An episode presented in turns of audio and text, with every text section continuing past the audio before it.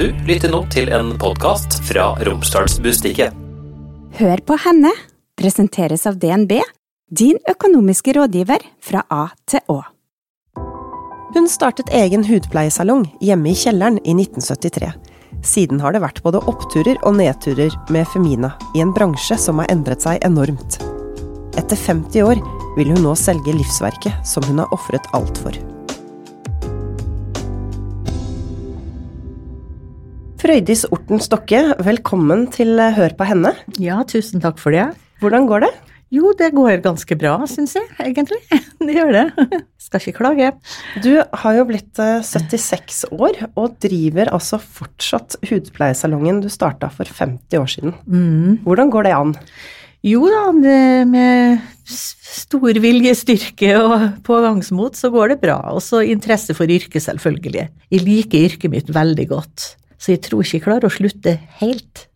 Da må, må hodet svikte, da, hvis de skal slutte helt, tror jeg. Ja. Er det noe spesielt du gjør for å liksom holde deg så ung og sprek? Ja, jeg gjør egentlig ganske mye. Jeg er veldig nøye på kostholdet.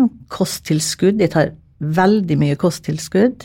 Drikk rikelig med vann.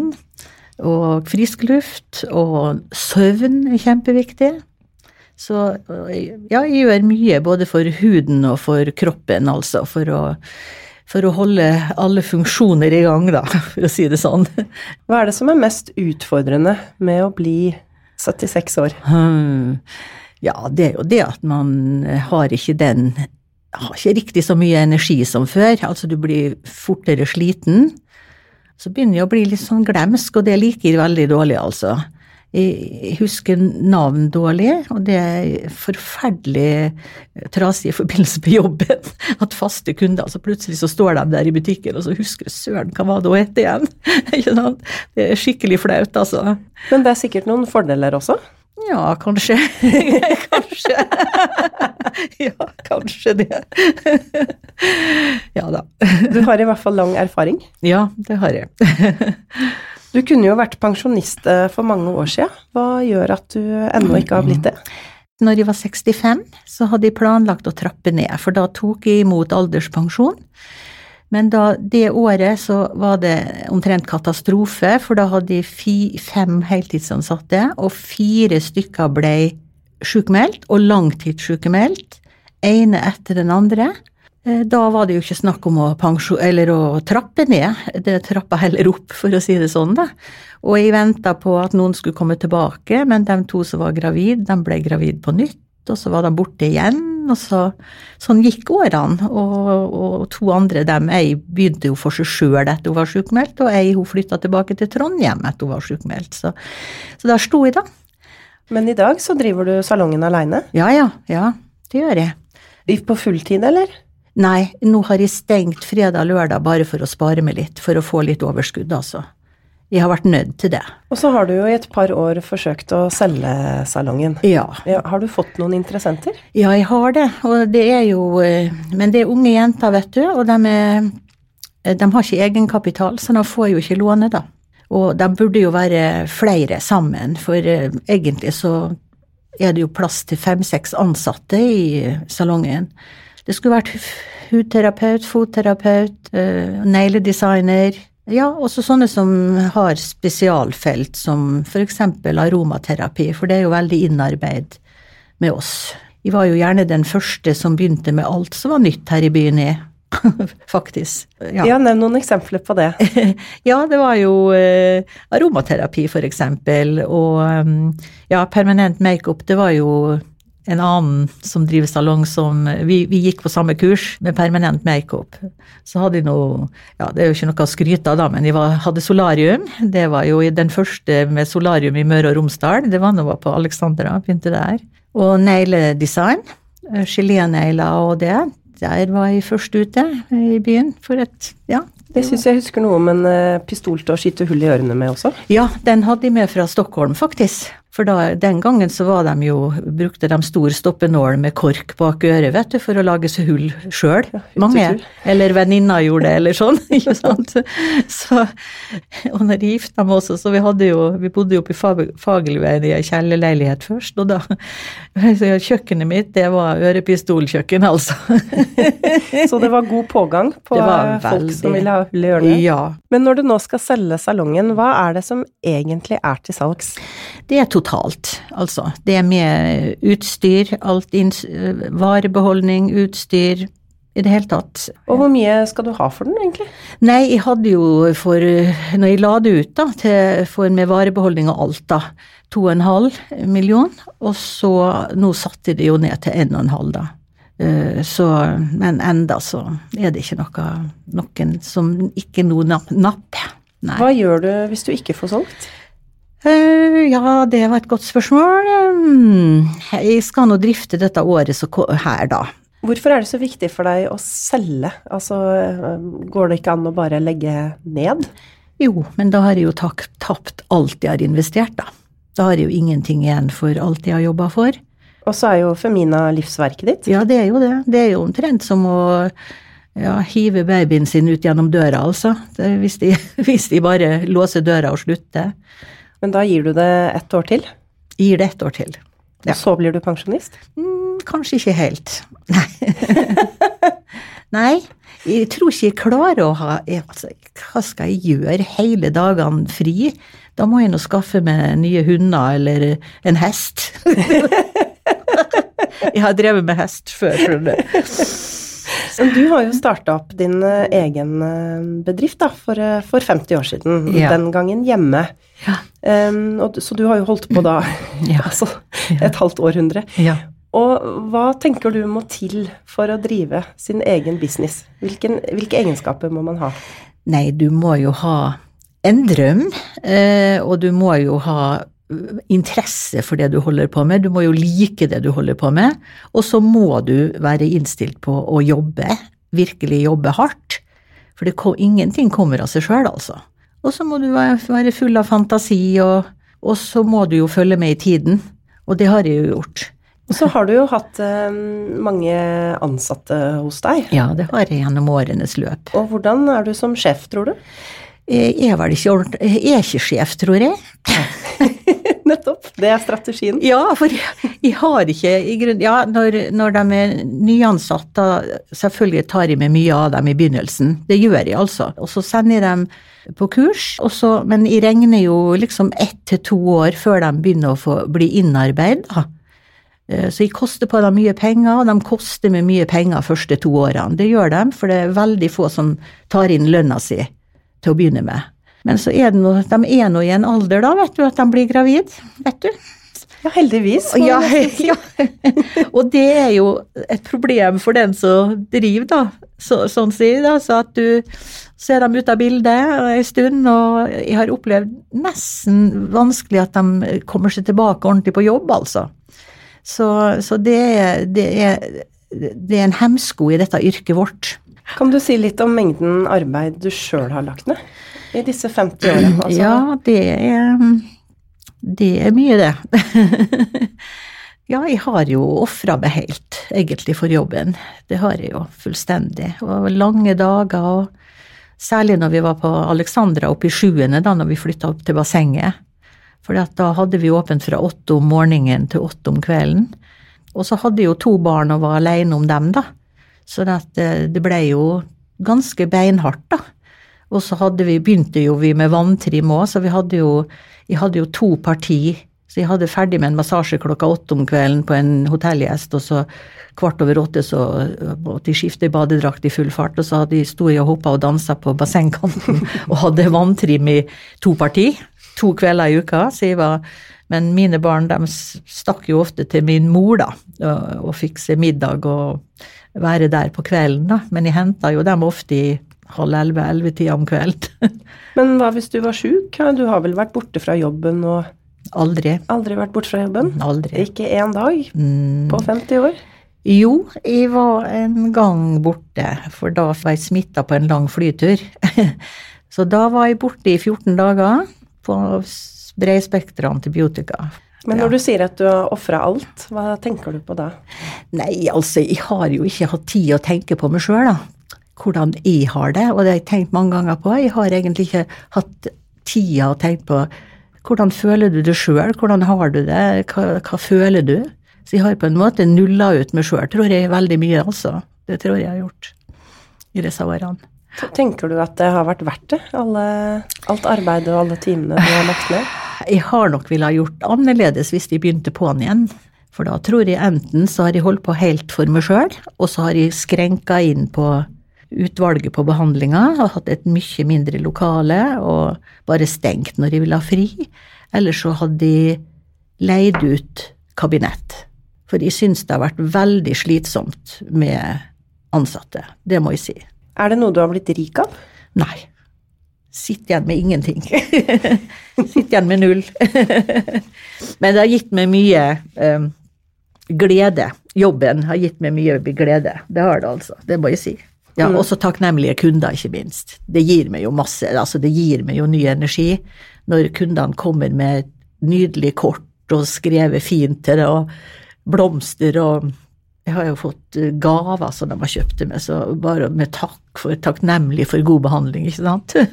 Og så er det jo det at de, de kan jo snakke om alt. Men blir det litt som en, hobby, altså en frisør, da? At man blir litt hobbypsykolog? Ja, det kan du si. Klart det. Og så er det jo veldig godt for folk å snakke om tingene til en person som ikke vil Som har et taushetsplikt, som er helt nøytral, ikke sant. Og alt som fortelles, det ligger Det ligger der. hos Frøydis. Ja, det gjør det, vet du. Det er mange historier der. det er det.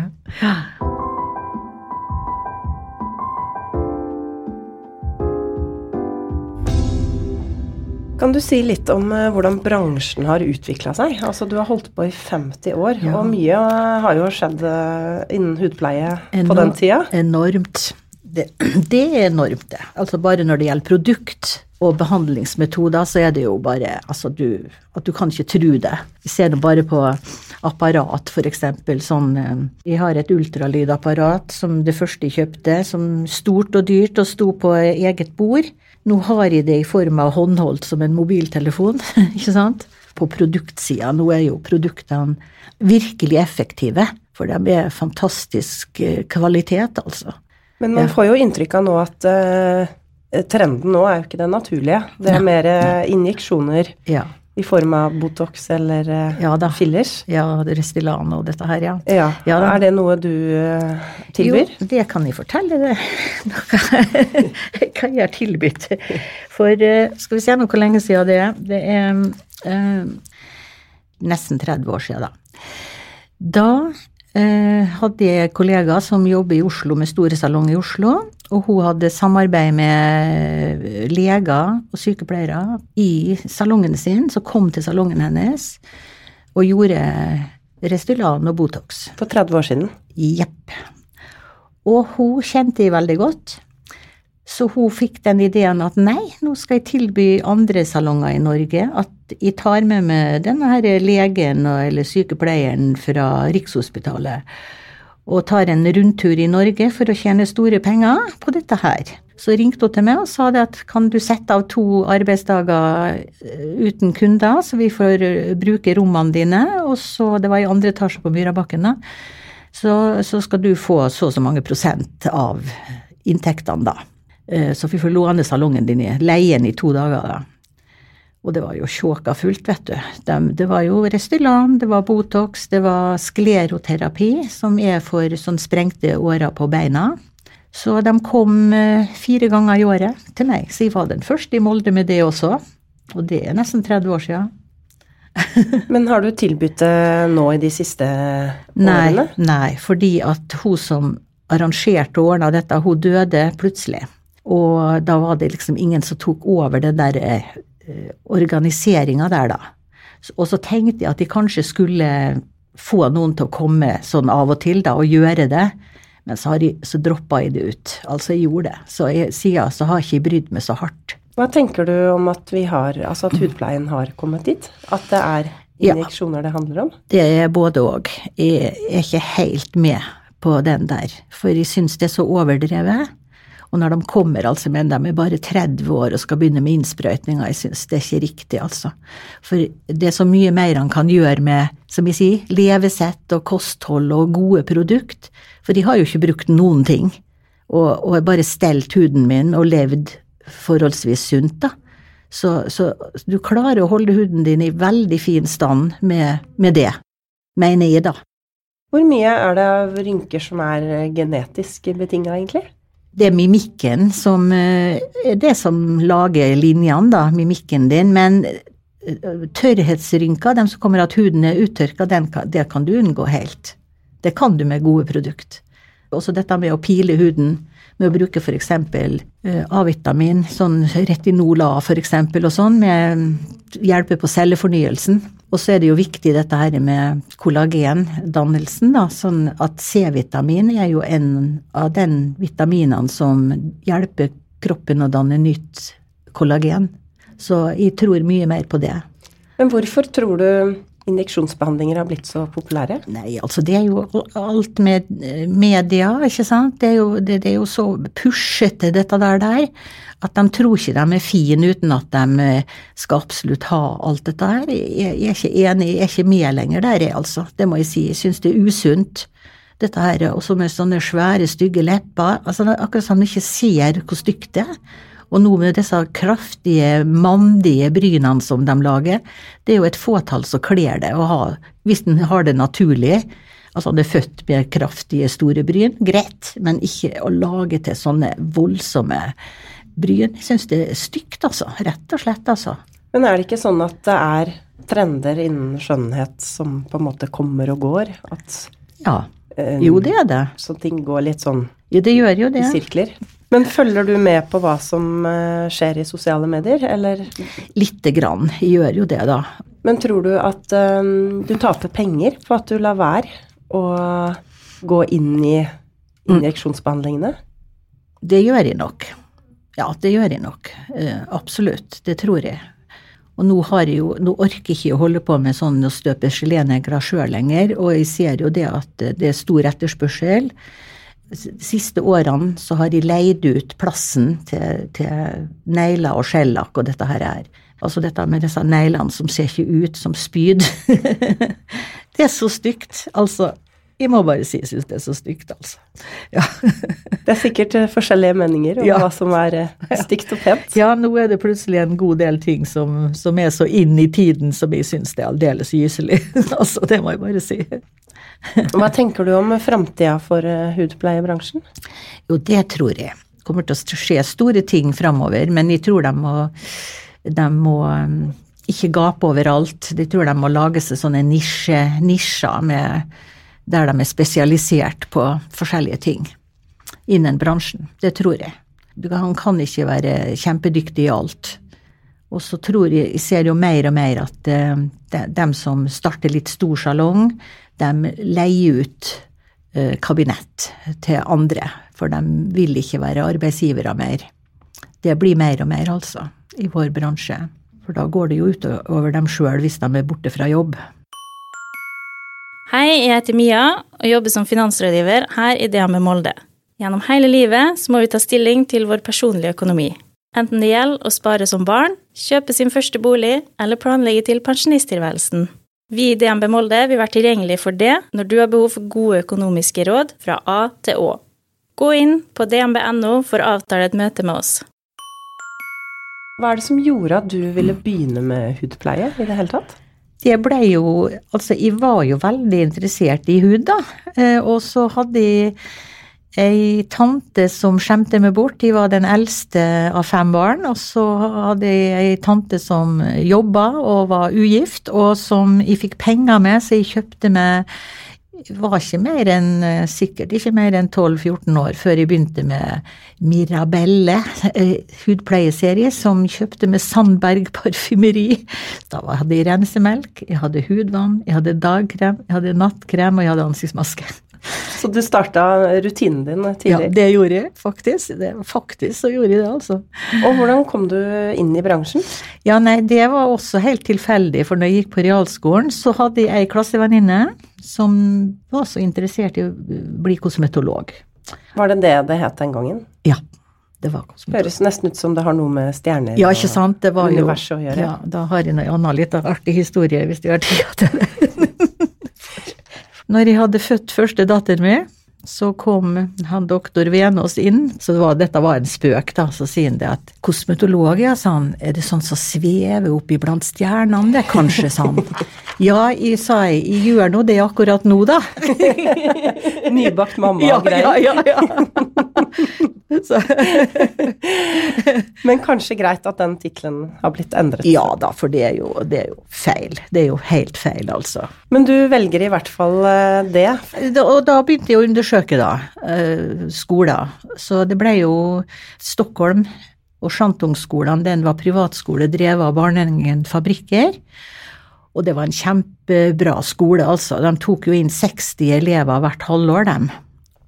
Vi var, vi var heldige, altså. Men hva var det viktigste du lærte der? Vi lærte veldig mye om eh, kundebehandling, eh, faktisk, der. Og så var det selvfølgelig hygiene og ordenssans og eh, ikke så mye om salongdrift, da. Det fikk vi ikke så mye der, da. Men etter du var ferdig i Stockholm, så um, var det jo ikke hjem til eh, Nei, da var Molde? det rett over til Norwich igjen og jobba i en stor salong. Det var enormt.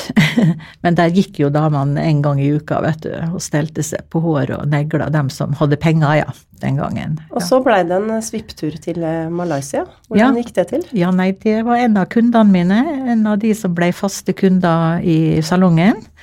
De hadde hus utenfor Norwich, men mannen jobber som eh, i Utenriksdepartementet, så han var jo i London.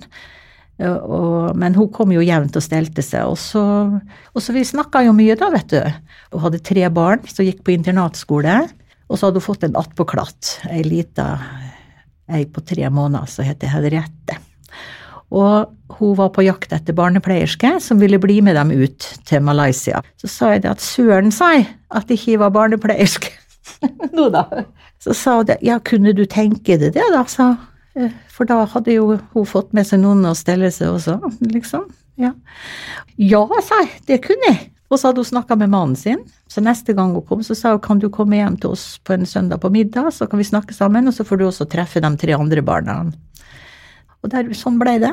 Og, jo, og det ble jo ganske raskt bestemt, så jeg måtte jo vaksinere meg herfra til evigheten, så jeg visste nesten ikke å jobbe vet du, med armene mine. Jeg var jo helt lam i armene etter alle disse vaksinene som jeg måtte ta, ikke sant. Og så, så det endte jo med da, at jeg ble med som personlig pleier, skjønnhetspleier og, og barnepike. Og så ble det jo stell av andre diplomatfruer Ja, det vakka også. på seg dette der, da, vet du, når du begynte å bli kjent, vet du. Så det vakka jo på seg, så jeg ble jo henta hit og dit, og den mest fantastiske turen var jo oppe i fjellene i på Borneo til ei kinesisk eh, rikmannsdame da, som hadde et palass oppå, opp, opp mot et fjell der de hadde, hadde gummiplantasje, vet du. Så hun med, fikk henta med jeep, og vi var over to store sånne elvestryk på sånn flåte med den der bilen.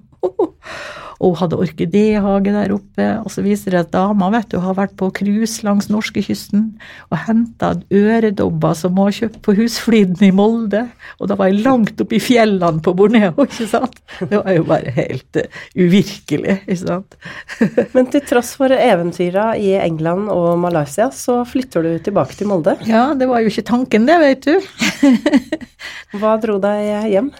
Nei, jeg måtte jo hjemom da, for jeg hadde jo vært borte hjemmefra i omtrent fem år, ikke sant, så da syntes jeg det var Ja, komme hjem til jul, da, kan du si, omtrent. Og så i romjula så traff jeg jo han som jeg ble gift med, så det ble fullstopp, bråstopp i Molde. Og i stedet da så ender du opp med å starte salong Ja, ja, i jo Molde. ja, det gikk ei stund da, for at eh, først så um, fant ikke noe lo lokale nede i byen som var ledig, et lite lokale. Og så endte jeg opp med å, å jobbe i parfymeriet med Åndal. Ja, så var Ann-Kristin, første barnet mitt, ti måneder gammel. Da, da innredde vi en lekker salong i sokkeletasjen på huset som vi hadde bygd da oppe i Soliveien. Så jeg holdt på der i tre år, før jeg havna ned på Alexandra, da. Og på Alexandra var det også eh, store stas, eh, har jeg skjønt, med varene dere hadde, og hvor Ja. dere holdt til og Ja da. hvordan, hvordan så det ut? Jo, det var jo en lekker salong, for jeg lånte jo masse penger da også for å innrede der. Og mannen min han var jo veldig sånn snekkerkyndig og tapetsere, og, og, så han var veldig ivrig på å få meg i gang, da. Så vi fikk lokalet som var rett inn, eh, ved siden av resepsjonen, der det er bar og sånn nå. Det var da glassdør og glassvegger Oi, mot resepsjonen. og, så, og, så, og så fikk jeg jo eh, Jeg fikk jo faktisk uh, Toft Interiør laga jo innredninga til parfymeriet. Og vi hadde egen herreavdeling like innenfor døra der. og og ja, det, det var virkelig fint, altså. Til og med dronning Sonja ville jo ha time med oss når hun hadde gått på fjelltur. Eller kommet. Og nå er vi på slutten av 70-tallet. Ja, ja. Og vi hadde jo så fine ting, men altså Molde by var faktisk ikke moden for det. For at de hadde, jeg hadde silkeskjerf fra Hermes, jeg hadde Chanel, lærbelter og ting fra Chanel. Vi hadde så flotte ting, og vi hadde det flotteste bysjotteriet, altså. Men Nei. Og så lå butikken for langt ute i byen. Vet du, Molde-folket de gikk ikke lenger enn til ja, hva skal jeg si De gikk rundt torget og handla. Lå du ut, på utkanten, altså, så det, altså, Det ble noen tøffe år der. det ble eh, veldig tøffe år, altså. Det ble det. Veldig, veldig tøft da i starten. Hva gjorde at du ikke ga opp? Nei, jeg holder jo på å gi opp da. Mange ganger holder jeg på å gi opp da. Det var mye gråt og fortvilelse, det var det. Men eh, jeg holdt jo i gang, da. Jeg syns det var riktig Det ville jo være en skikkelig nedtur å gi opp. Men altså, en annen ting, hvis de ikke hadde klart det, så hadde vi jo lånt så mye med sikring i huset vårt at de hadde jo, vi hadde jo mista alt. Hvis de hadde gitt meg, så hadde vi jo mista alt. Så det var bare å bite tenna sammen, det, og holde i gang, altså. Men responsen den gangen du starta opp hjemme i 1973, den var god. Den var veldig god. Jeg hadde fulgt så mye som jeg orka, rett og slett. Ja, hadde det. Og da kom folk og besøkte deg til alle døgnets tider. Ja, ja. Da var det jo mye vanligere å bli Altså at de, folk ville ha, ha lagt makeup når de skulle på noe. Så jeg sto jo veldig ofte på lørdag ettermiddag og sminka både en og flere, ikke sant. Så det var jo lite fritid, altså. Men det verste, eller det argeste, var nå når det ringer på døra på søndag formiddag i kirketida, og jeg var jo fortsatt i morgen, morgenkåpe, og da står det et eldre ektepar på trappa mi og skulle ha fotpleie. Som hadde kommet helt ut ifra Frena med buss. Da måtte Uten timeavtale. Uten timeavtale, ja, ja, ja, ja. Og da måtte jeg, nei, da satte jeg foten ned, altså. Da syns jeg nå er det grenser for å være snill og hjelpsom. Så, så det var det. Når var det salongen begynte å gå, gå bra, da? Det var jo, jeg sleit jo fryktelig i første etasje der, men så sa, ble vi jo sagt opp av hotellet, da. Eh, For de skulle ha det sjøl, så jeg ble tilbudt opp i sjuende. Og da dreiv vi veldig godt når jeg kom dit opp i mange år, for selv om jeg hadde butikk med varer, så, så gikk det i grunnen forholdsvis bra likevel, altså. Og jeg kutta jo alt dette ut, alt dette her som var sånn i luksusklassen. Det gjorde jeg jo, for jeg så jo dette var ikke mulig. Da investerte jeg i tre store solarium, og det var jo kjempepopulært, vet du. Og så eh, hadde jeg bassenget med at jeg holdt renholdet. Med bassenget, badstue, ba, to herre- og damebadstue nede og trimrom og sånn. Da hadde de re, renholdet og ansvaret der. Og vi fikk glassvegg mot bassenget, det var veldig koselig og fint der oppe. Og så hadde vi jo den svære terrassen på sommeren, da, som var helt nydelig. Eh, Da dreiv vi veldig godt, altså.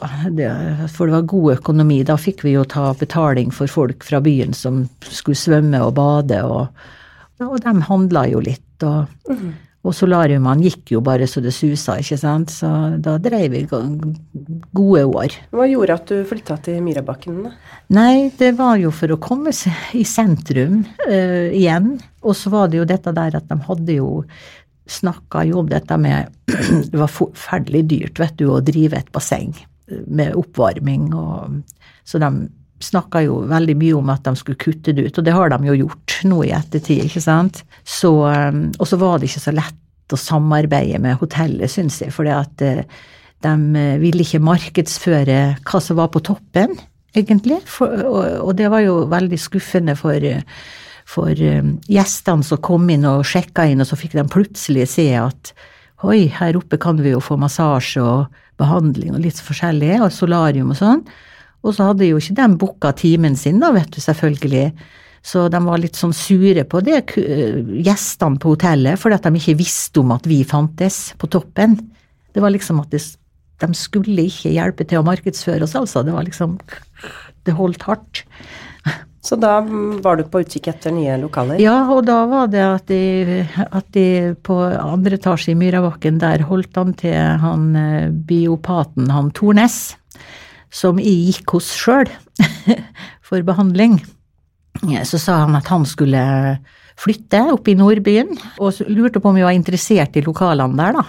Og da blei det jo til at de flytta dit. Men jeg drev jo parallelt på Alexandra og Myrabakken, og det var jo veldig vanskelig. For jeg var noen dager i Myrabakken og noen dager på Alexandra, men da mista jeg taket på ting, altså. Da hadde jeg ikke kontroll lenger på noe. Så, så da bestemte jeg for at vel, nå ut, ut, med Alexandra og inn, inn på Myrabakken med alt, da. Og det har du ikke angra på? Nei, det har jeg ikke angra på. Og der drev vi også veldig godt, altså. I andre etasjen der i, i mange, mange år. Når jeg nå investerte i, for 15 år siden i første etasje igjen, investerte på nytt og tok opp nye lån og sånn, og slitt med ja, jeg har jo slitt med både økonomi og, og stabile ansatte og slike ting. Det har, det har, har kosta meg mye, altså. Så de siste elleve årene har i grunnen vært uh, ikke så god. De har ikke det, altså. Men jeg liksom biter meg fast, da. Ja, hva er drivkraften din? Hva gjør at du, at du holder det gående? Ja, nei, altså For det første så liker jo yrket mitt. Og så syns jeg det er så synd at uh, Femina bare skal forsvinne med meg, da, for å si det sånn. Jeg er jo kjempesta, da. Så det er vel mye stahet og og så er det jo, jeg syns det er jo litt sånn sørgelig at når du er egentlig på topp kunnskapsmessig og erfaringsmessig, så skal du liksom gi det, da. Det er jo litt surt.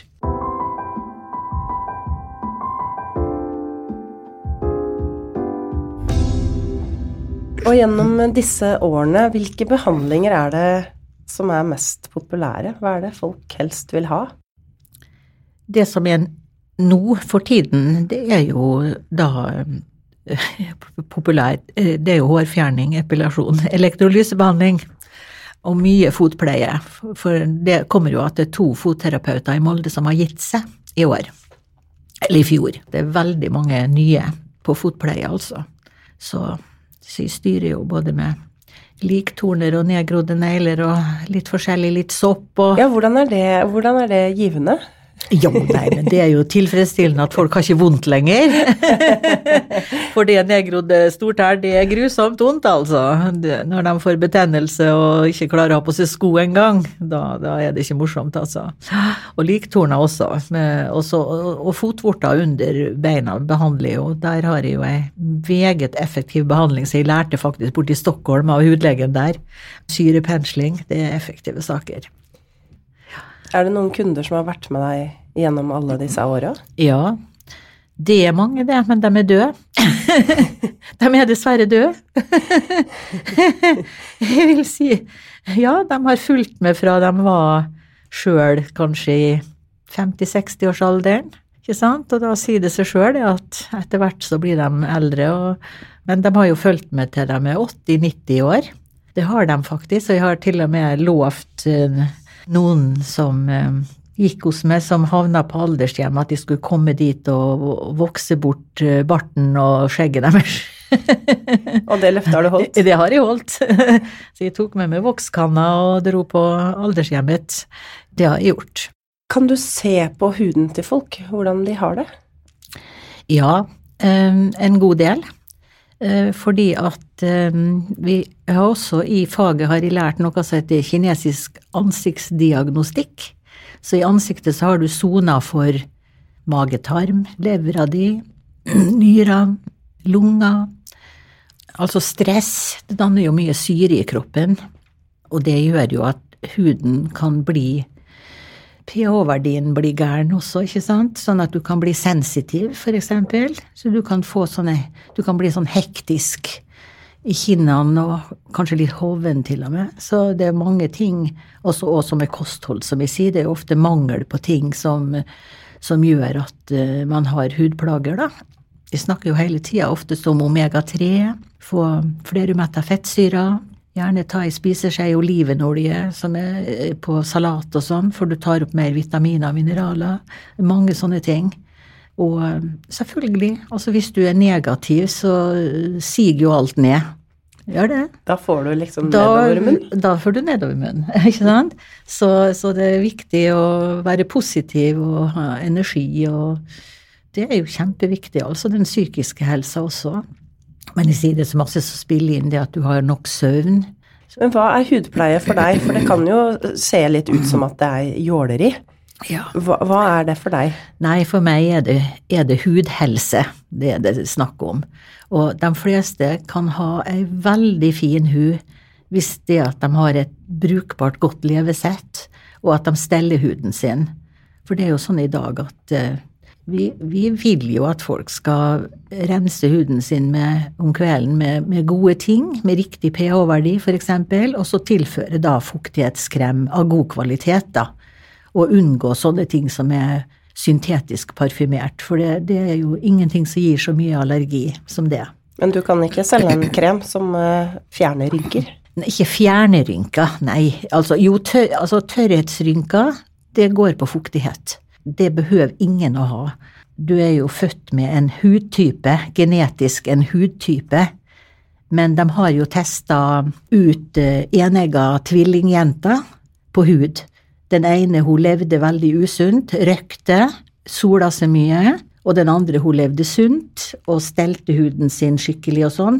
Det var jo kjempeforskjell når de var i 60-årsalderen, på disse to. Så at det betyr levesettet, at det betyr masse for hvordan hud du får, det blir, det er ikke tvil om, altså. Men er det egentlig noe galt med rynker? Hvorfor kan Nei. vi ikke bare ha dem? Nei, altså de mimiske rynkene skal vi jo ha.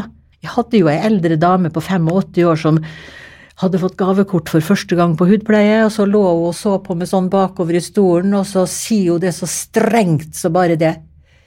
Ja, rynkene mine får du ikke fjerne, for jeg har levd et helt liv for å få dem. Det var egentlig godt sagt. Ja. Det var godt sagt? Ja, det syns jeg var fabelaktig. Nei, så sa jeg det klarer ikke du, sa jeg. Jeg kan ikke å trylle. ja, så det.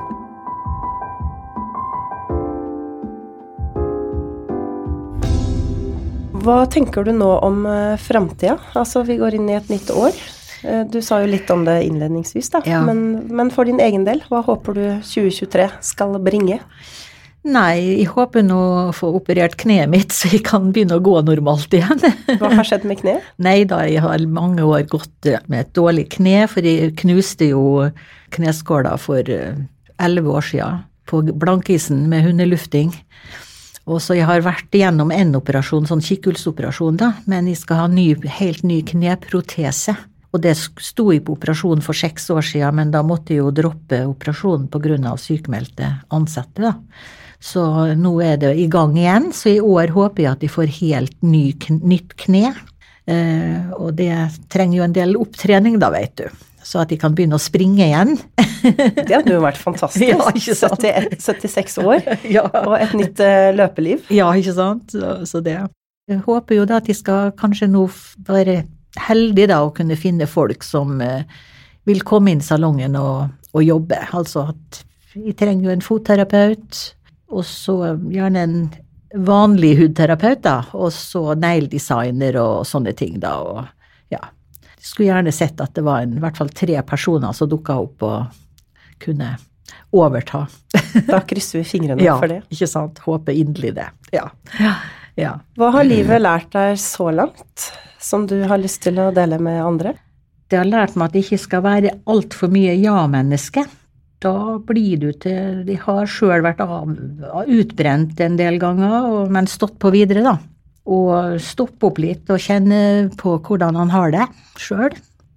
Men jeg har jo også føler at jeg er blitt råsterk av det. Jeg har god viljestyrke, da. Og At jeg har i grunnen, men jeg har bitt i meg både frustrasjon og skuffelser på veien, da, og det, det er ikke bra, egentlig. Men jeg har jo klart å bearbeide mye, da. Det har jeg. Det må jeg si. Og ikke bare være snill bestandig. det også. Og har du en kvinne i livet ditt som eh, du ser opp til? Jeg har to, og de er indiske. Det er Indira Gandhi, og det er mor Teresa. Hvorfor dem? Jo, for det er kvinner som virkelig lever i et land der kvinner egentlig betyr ingenting. Og at de står opp for seg og har mot, og, og, og vil hjelpe andre kvinner og, til et bedre liv. Og mot et sånt samfunn som er så mannsdominert. Som trykker helst kvinner langt ned i møkka, ikke sant. Så derfor. Og så liker jeg jo veldig godt hun Erna Solberg, da. Høyredama vår. Frøydis Orten Stokke, tusen takk for at du var gjest i Hør på henne. Ja, bare hyggelig. Hør på henne er laget av Romsdals Bustikke. Produsenter er Stian Viken og Hanne Fleischer. Mitt navn er Vera Henriksen. Har du ris, ros eller innspill til gjester? Send meg en e-post på hennealfakrøll-r-b.no. Følg oss også gjerne på Instagram, så håper jeg vi høres snart. Hør på henne presenteres av DNB, din økonomiske rådgiver fra A til Å.